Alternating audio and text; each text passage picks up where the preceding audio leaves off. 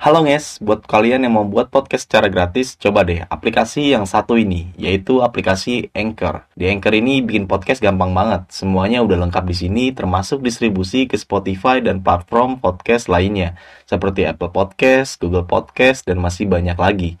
Jadi tunggu apa lagi? Download aplikasi Anchor sekarang dan buat podcast kalian semenarik mungkin segera. Wahyu tiba-tiba bilang sama gue sambil teriak dan lari ke bawah ah ada orang mau naik ke atas. Gue tanya ya. Lari bang si Wahyu. Lihat nggak ada orang sama sekali Wahyu gue ada tadi dia mau naik ke atas. Yang nggak gue lihat wujudnya tuh bertabrakan sama tubuh gue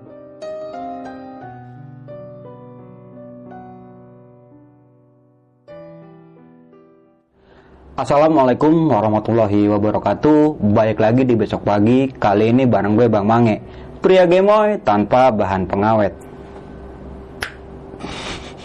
Sebelumnya gue ingin berterima kasih banyak buat teman-teman semua yang udah mensupport channel besok pagi hingga sampai saat ini.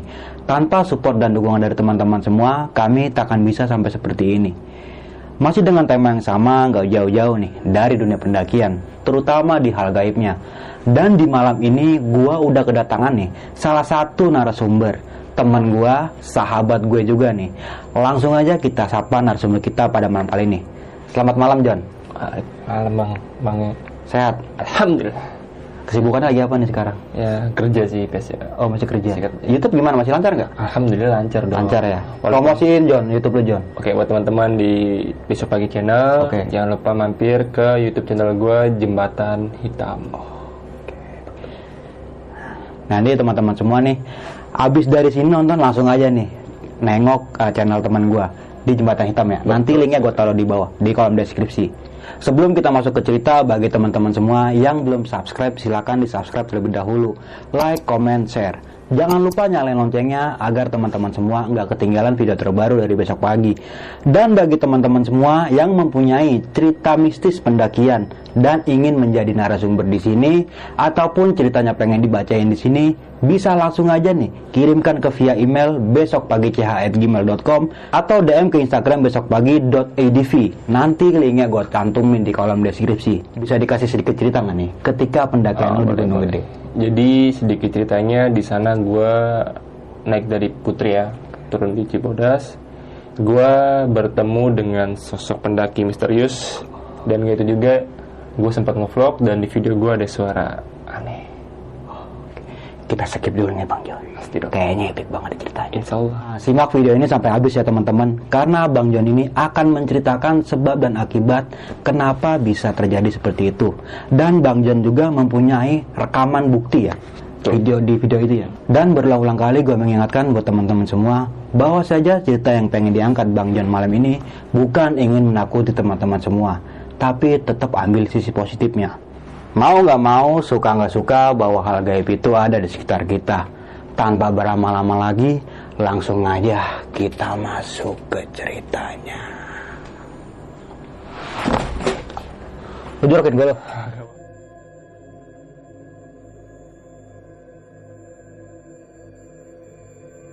Assalamualaikum warahmatullahi wabarakatuh. Perkenalkan nama gue Jonaria, cowok manis tanpa formalin.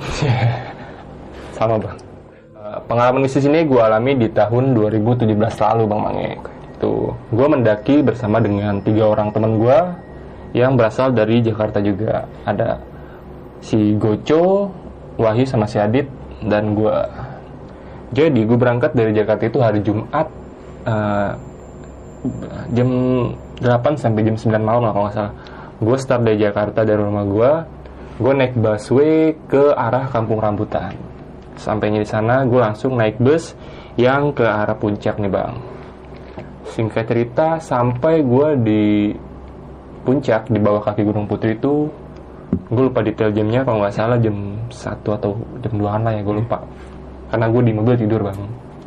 Sampai di sana, gue mampir dulu ke salah satu minimarket untuk membeli perbekalan gue untuk tambah-tambah di atas bang. Aku beli rokok dan segala macamnya lah. Dan setelah gue keluar ternyata di tempat gue berhenti bus itu ada beberapa rombongan pendaki juga yang mau naik ke atas sana bang. Kita ngobrol bareng ternyata eh, gerombolan ini atau rombongan ini berasal dari Jakarta juga bang. Dan kebetulan jaraknya deket dari wilayah gue akhirnya kita mutusin buat uh, nyarter angkot untuk menuju base camp setelah gue nyarter angkot sampailah gue di base camp biasalah sampai base camp gue makan istirahat gitu kan. Sebat ngopi sambil ngobrol-ngobrol sama pendaki lainnya. Dan nggak terasa lama waktu tuh udah makin lama makin larut kan. Gue mutusin untuk tidur karena pada esokan harinya gue mutusin buat jalan ke gunung apa? Gede. ke gunung gede bang setelah gue urusin simasi berangkatlah gue dari bawah sampai dari base camp sampai itu Pos, kira-kira pos GPO gue. pos GPO ya. Itu jam 5 subuh bang. Perjalanan gue dari bawah sampai atas tuh biasa-biasa aja bang. Kagak ada apa ya karena pada saat itu memang ramai pendaki Hmm. bang. Ramai jadi tapi nggak terlalu padat sih sepadat-padat sekarang kan. Gue jalan sampai pos 1, pos 2, pos 3 itu gue masih santai. Gue bahkan sempat ma- mampir di beberapa pos untuk sekedar ngopi santai gitu bang. Sambil melepas lelah. Dan tiba gue di gerbang Surya Kencana. Itu jam 12 siang. Jam 12 siang bang. Singkat cerita karena gue ngerasa lelah pada saat itu bang gue jalan paling belakang pada saat itu. Pas gue jalan paling belakang disusul dengan beberapa temen gue yang udah makin jauh ninggalin gue karena gue lelah gue tuh memutuskan untuk istirahat sebentar bang. Sambil memandang pemandangan yang ada di Surken kan? Nah, di situ gue mutusin buat ngambil HP dan ngevlog ala ala vlogger gitu. Vlog ala ala vlogger. Gue ngevlog halo guys gue sampai di Surya Kencana nih. Ngeliat pemandangannya keren kan? Gini gini gini. Dan pada saat itu gue yakin gue cuman ada sendiri di barisan paling belakang. Dan di sekitar gue gue nggak ngeliat para pendaki lain yang ada di sekitar bang dan jadi pada saat itu gue emang bener-bener sendiri. Gue bisa ngeliat temen gue dari jarak kejauhan bang. Dan kalaupun gue panggil mungkin dia nggak denger juga. Tapi kalau untuk pandangan mata masih keliat di depan bang. Jaraknya lumayan jauh. Udah akhirnya gue mutusin buat duduk di salah satu batu yang ada di Surya Kencana yang lumayan besar gitu lah. Duduk di situ sambil senderan keril kan karena gue lagi duduk sambil santai gue memutar hasil recording yang gue putar nih yang gue rekam nih bang. Dan ternyata keanehan itu mulai terjadi saat gue masuk di gerbang Surya Kencana. Di saat gue ngedengerin recording itu gue mendengar suara tangisan bayi yang tempo dan volume suaranya tuh kenceng banget bang kenceng banget. Bahkan suaranya itu bisa dibilang lama. Dari awal gue nge-record sampai gue tutup handphone itu masih ada bang. Masih ada. Tapi sayangnya pada saat itu handphone gue hilang dan nggak sempet gue upload ke sosial media. Tapi masih ada satu lagi yang yang yang udah upload dan itu nanti bakal gue kasih tahu buktinya. Woi. Oke. Dari Surya Kencana.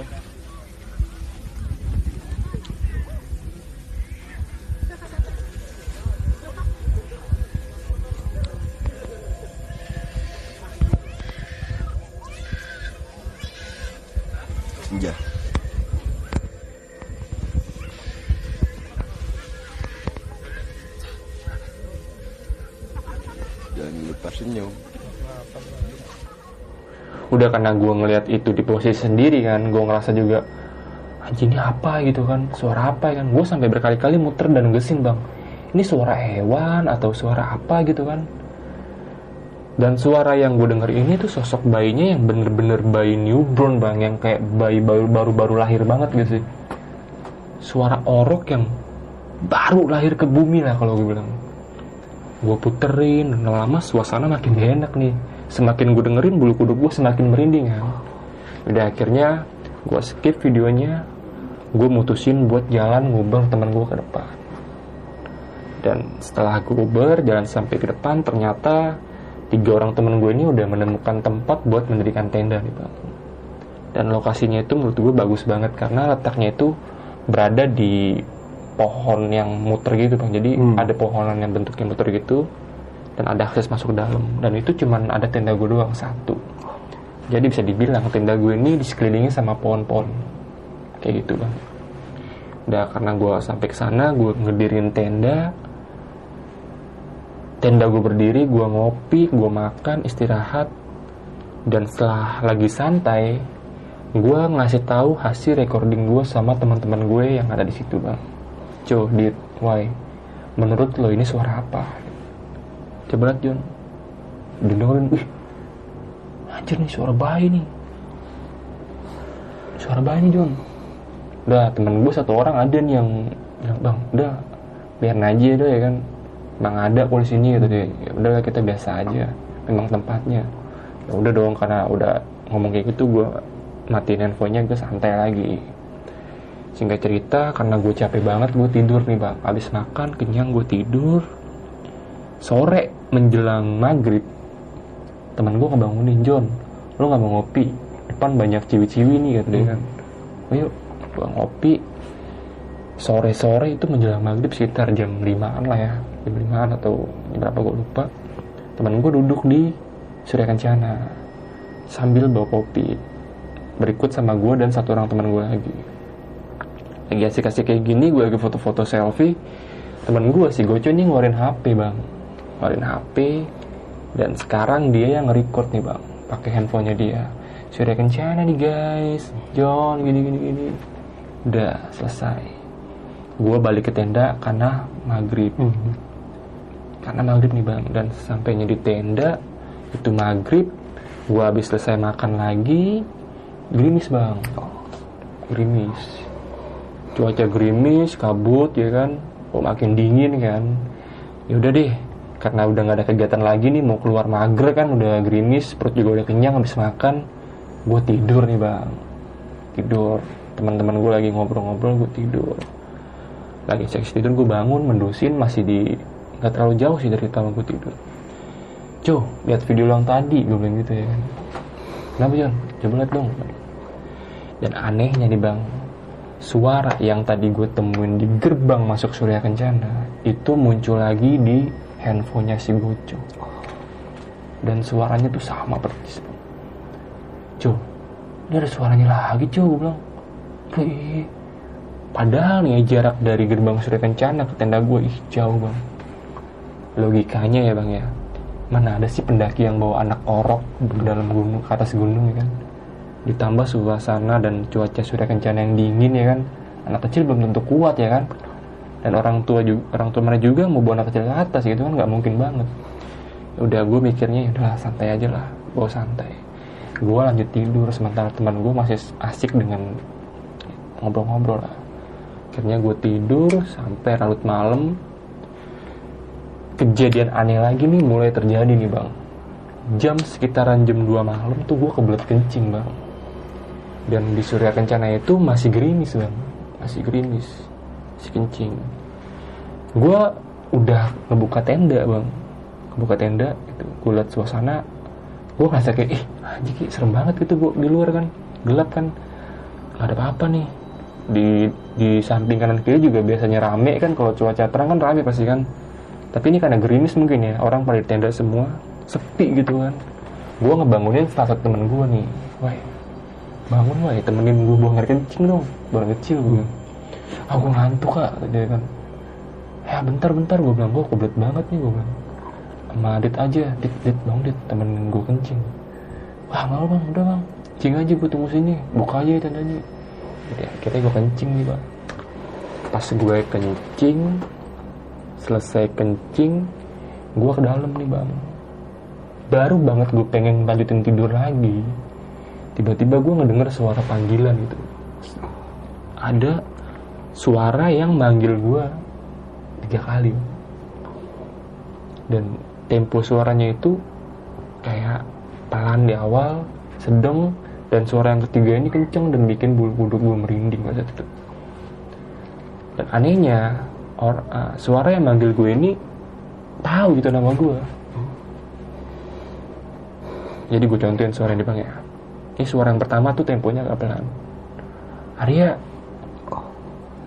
gue negesin tuh apaan tuh? Kayak ada manggil gue kan.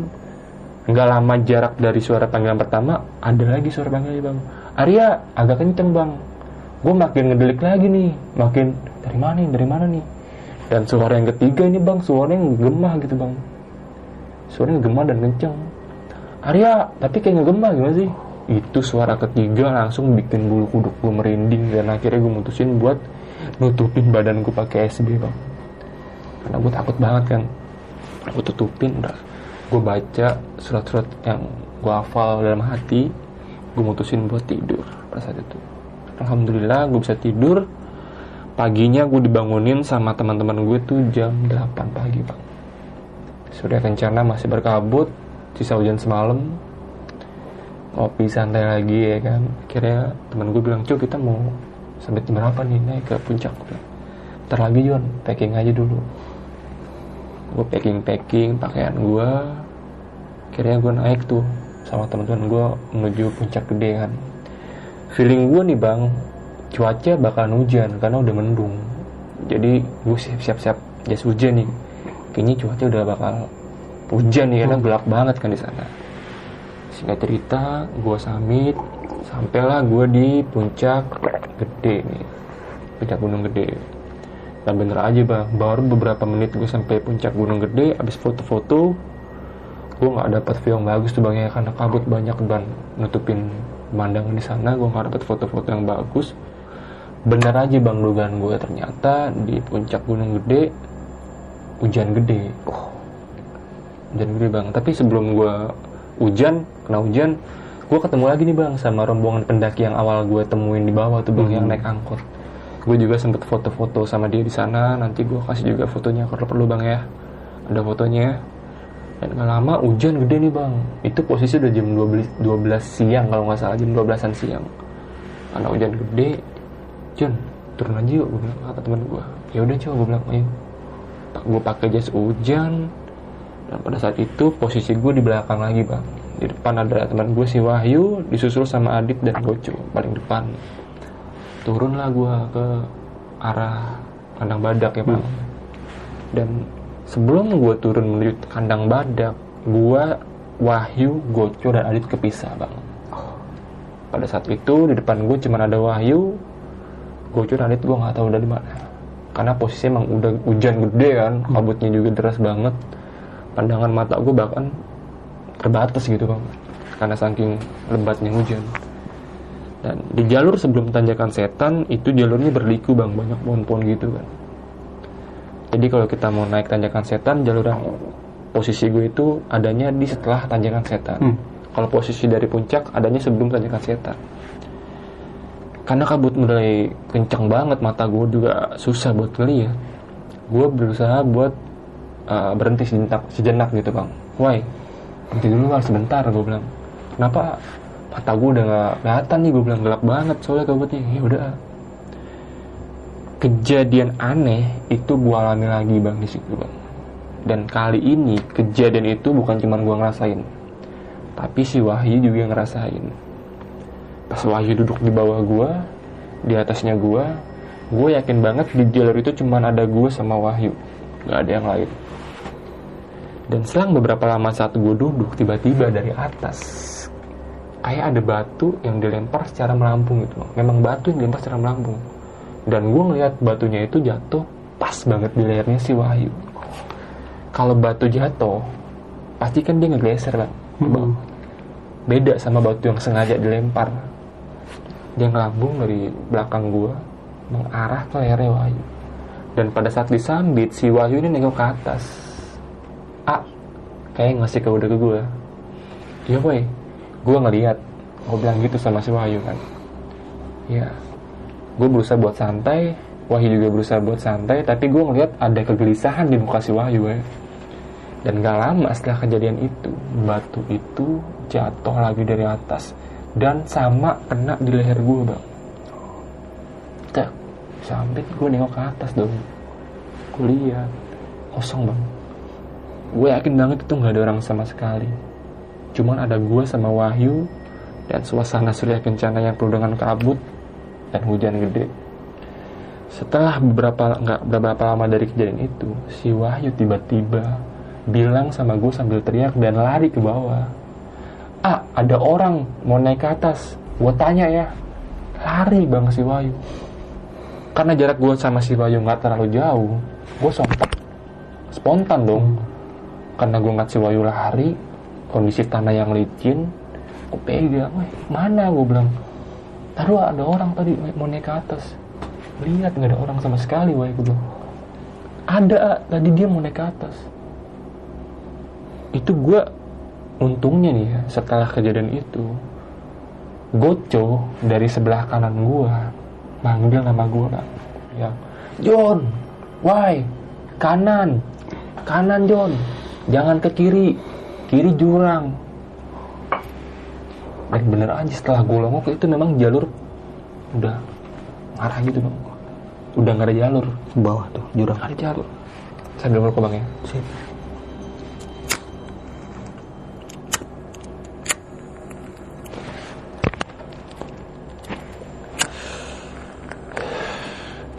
udah akhirnya gue sama Wahyu ke kanan nih. Ternyata jalur itu tanjakan setan bang dan Goco untungnya dia punya inisiatif buat naik karena nunggu gue lama bang. Dia naik lagi ke atas dan manggil gue gue nggak kebayang kalau seandainya si Goco nggak manggil gue mungkin gue udah ke arah kiri. Karena pada saat itu yang udah pernah naik ke gede cuma si Goco doang. Gue sama Wahyu belum pernah. Dan memang yang di kiri itu gue lihat memang jurang bang. Dia akhirnya turunin turun lah gue kan sampai gue di kandang badak. Dan sampai di kandang badak tuh hujan yang gerimis tuh bang. Eh hujan yang gede. Sempat berhenti bang. Sempat berhenti. Nggak berapa lama gede lagi bang hujannya bang. Akhirnya teman gue bangun plesit nih bang. Seadanya lebih fak seadanya lah ya buat santai. Buat neduh dari hujan aja gitu kan. Gue bikin kopi di sana santai lagi. Hujannya nggak berhenti berhenti bang. Lama itu dari sekitar jam satuan lah. Lama banget gitu berhenti. Hampir ada sejaman lah hujan tuh nggak berhenti berhenti. Dan setelah hujannya reda gue mutusin buat jalan jalan lagi nih. Jalan lagi. Nah pada saat itu gue posisinya beda nih. Gue di belakang gue di depan kedua teman gue Wahyu sama Adit.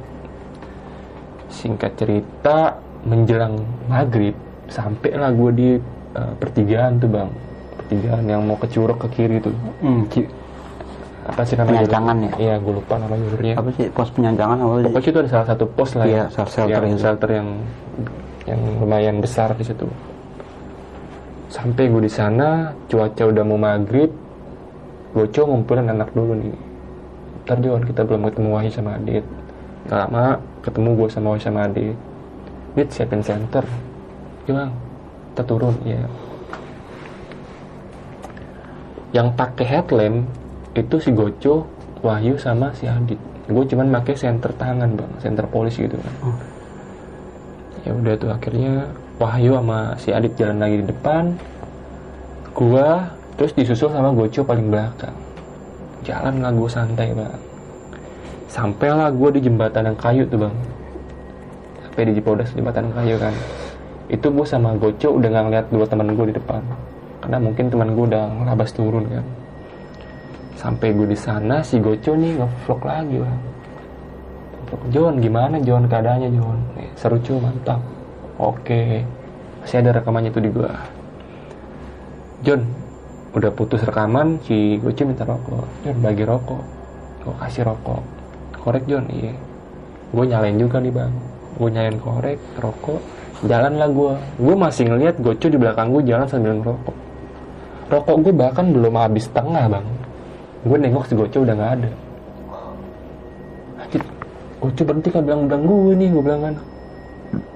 Ah, jalan nih gue bilang nih. Itu di jalur gue berdua doang bang. Gue sempet nungguin si Goco nih. Sampai rokok filter gue sebatang tuh habis bang. Kok dia nggak turun-turun? Ada apa nih? Gue mau naik lanjut ke atas gue takut baterai gue habis karena gue nggak bawa penerang lain selain handle, uh, Senter gue doang. Gue senter ke atas kagak ada jejak-jejak nggak ada tanda ada orang jalan juga. Kan kalau pakai headlamp kan pasti kan kesorot kan Hmm. jarak met- meternya kan lumayan kan. Tapi kok gelap-gelap aja gitu. Kira gue aren center gue lagi ke bawah aduh gue jalan ke bawah atau ke atas nih. Gue takut sih gue kenapa-napa nih. Udahlah akhirnya di situ gue mutusin buat lanjut turun ke bawah pak pakai senter polis di tangan gue dan setelah beberapa lama gue sampai turun ke bawah di situ gue ngeliat ada shelter lagi yang berbentuk bangunan bang. Dan ada sungai kecil. Tau gak lo bang? Telaga warna.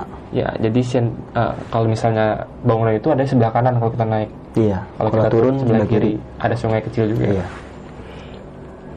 di situ gue ngelihat sosok hitam bang pakai ponco kayak kalau gue bilang bukan kayak ponco kayak jubah atau apa sih? Pokoknya yang serba hitam lah ya. Berdiri setak tanpa ada sedikit penerangan sama sekali bang.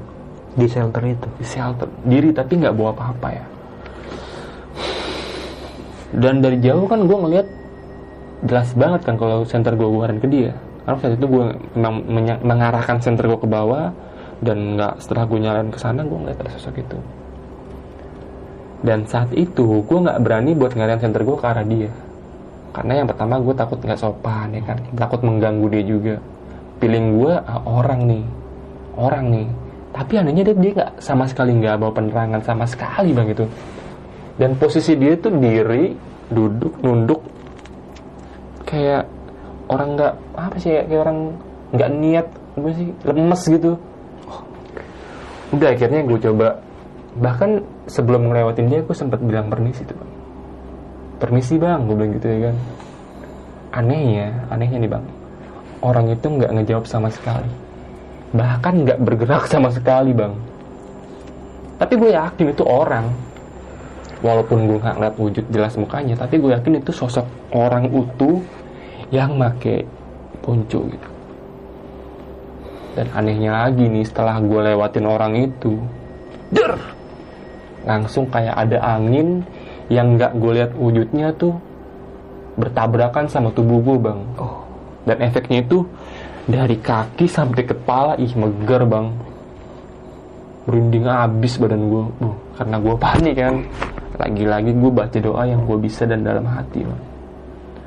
Sambil gue percepat jalan gue nih bang. Karena saking panik tuh ya mungkin ya. Sambil baca doa saking panik gue kencengin jalan gue tibalah gue di jalur yang udah menuju bebatuan lah bang yang bentuk tangga terus itu gue udah ngelewatin dia. Gue ngeliat ada sosok lagi bang yang naik dari bawah menuju ke atas. Di situ gue kaget kaget kagetnya bang ya karena dia naik tanpa penerangan tapi bawa carry lengkap dan bawa trash bag plastik sampah hitam bang.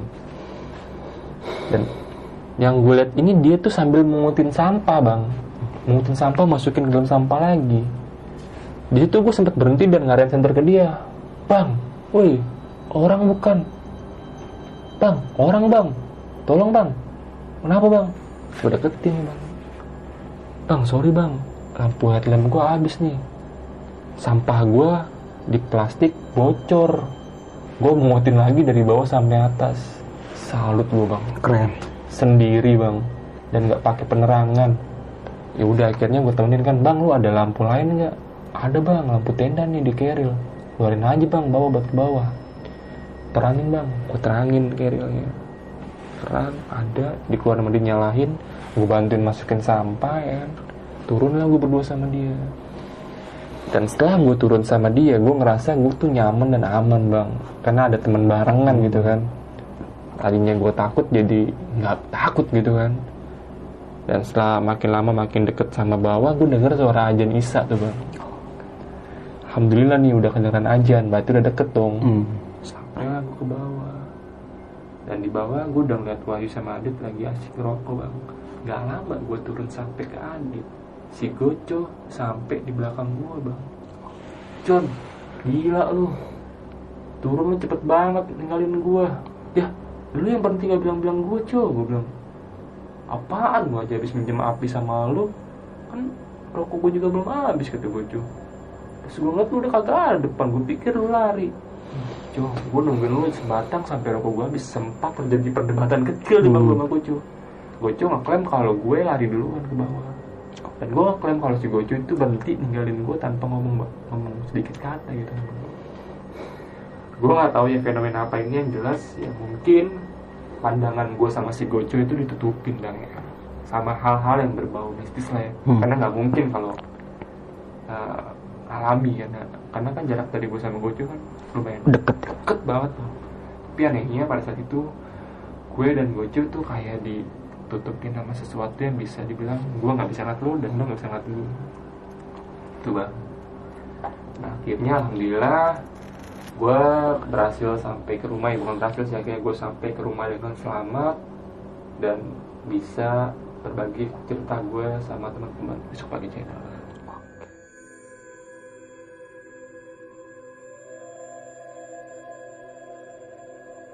Oke nih Bang Jan, gokil banget sih cerita lu Bang. Kopi dulu Bang.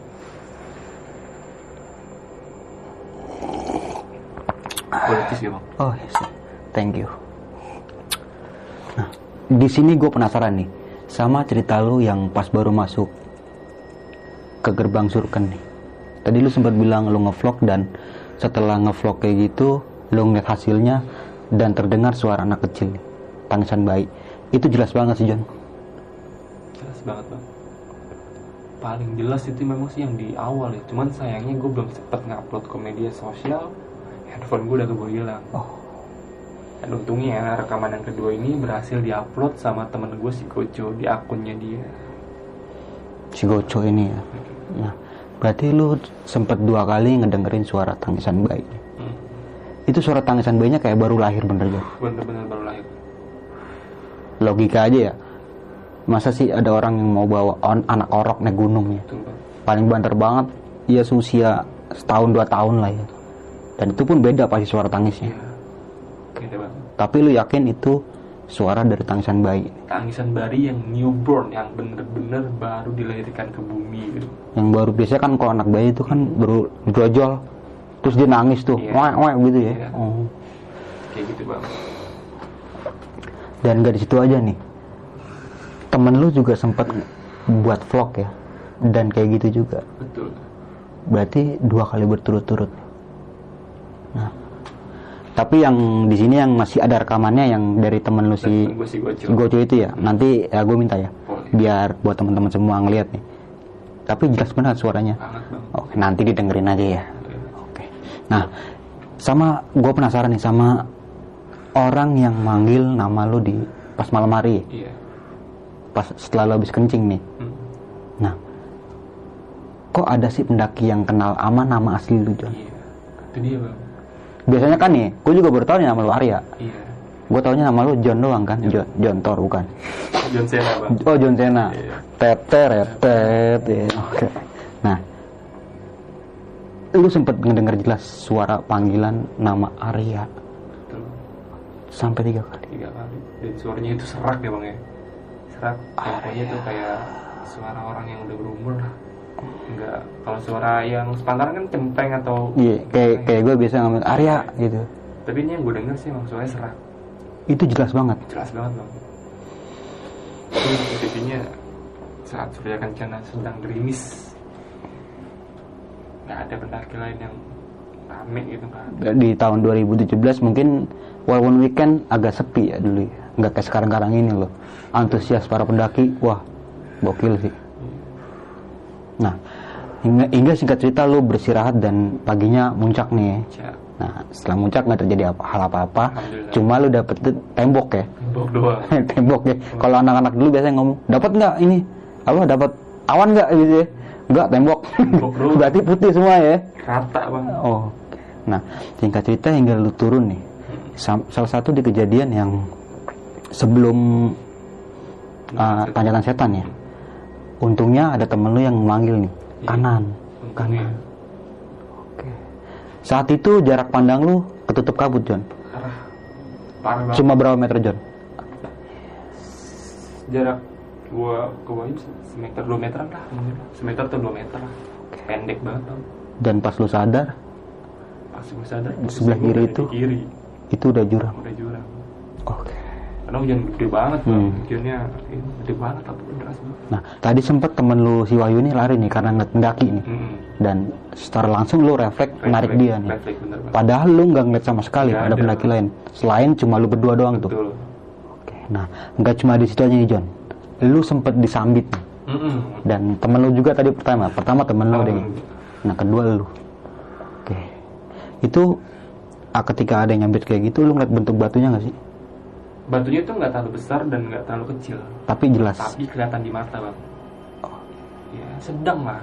tapi lu lihat di belakang itu nggak ada pendaki sama sekali sepi Sepi.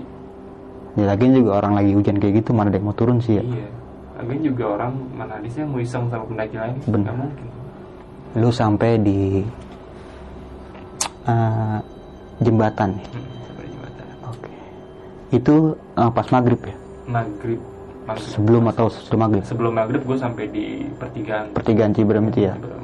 Nah, jalan lagi berarti maghrib lewat lu Maghrib. lewat Nah, setelah itu lu melewati rawa bokor nih jembatan kayu Rawa Denok. oh iya rawa denok Rawa Bokong.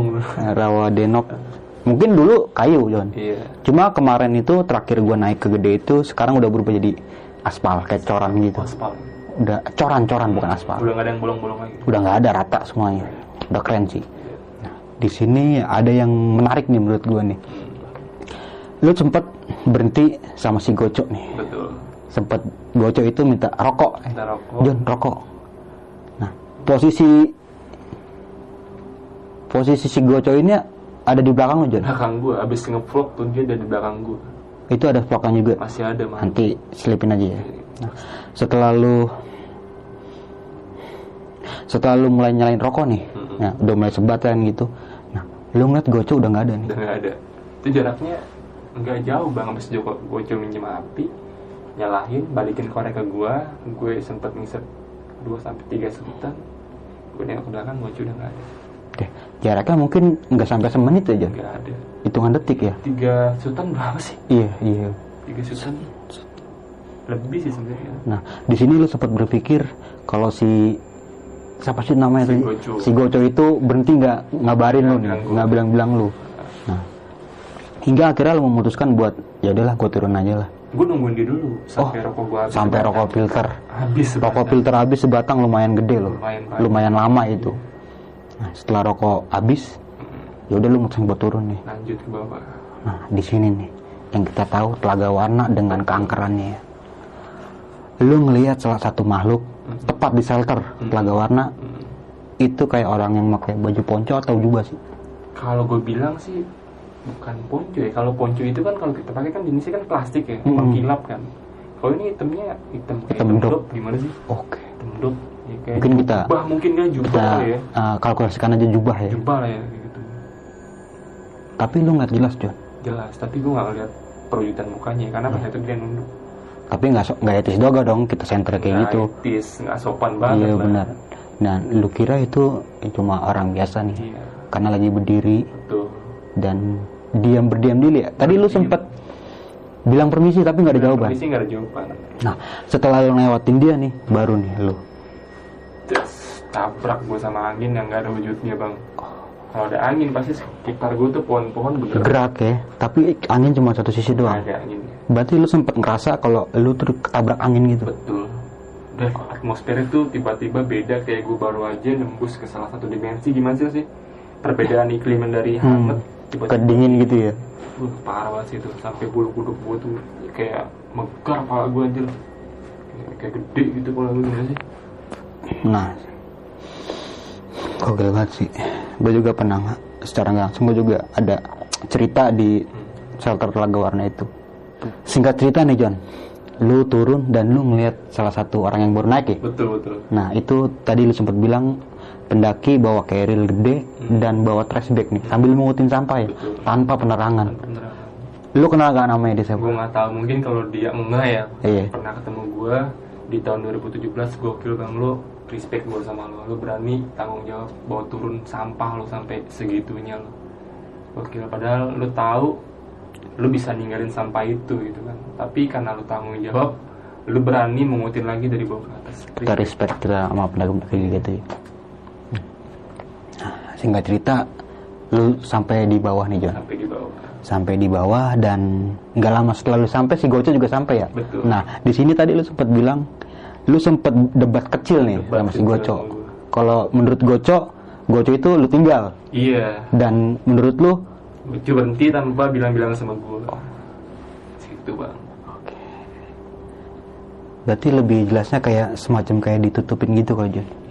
cara nggak langsung jarak gue turun dan belakang gue setelah gue turun ketemu anak-anak tiba-tiba gue di belakang gue itu kan logikanya kan berarti selama itu gue jalan berbarengan dong sama dia kan Iya. ya kan karena gue turun nggak lama gue turun ya gue turun juga itu sih anehnya Cuma ditutupin aja pandangan Goco dan Mungkin. pandangan lu ya. Mungkin. Tapi lu sempet nanya nggak sih si Goco itu sempet ngeliat ada orang yang di shelter itu? enggak Enggak. gue sempet nanya tapi gue cuma ngeliat Oh berarti yang ngeliat cuma lu aja. cuma gue ngeliat itu pak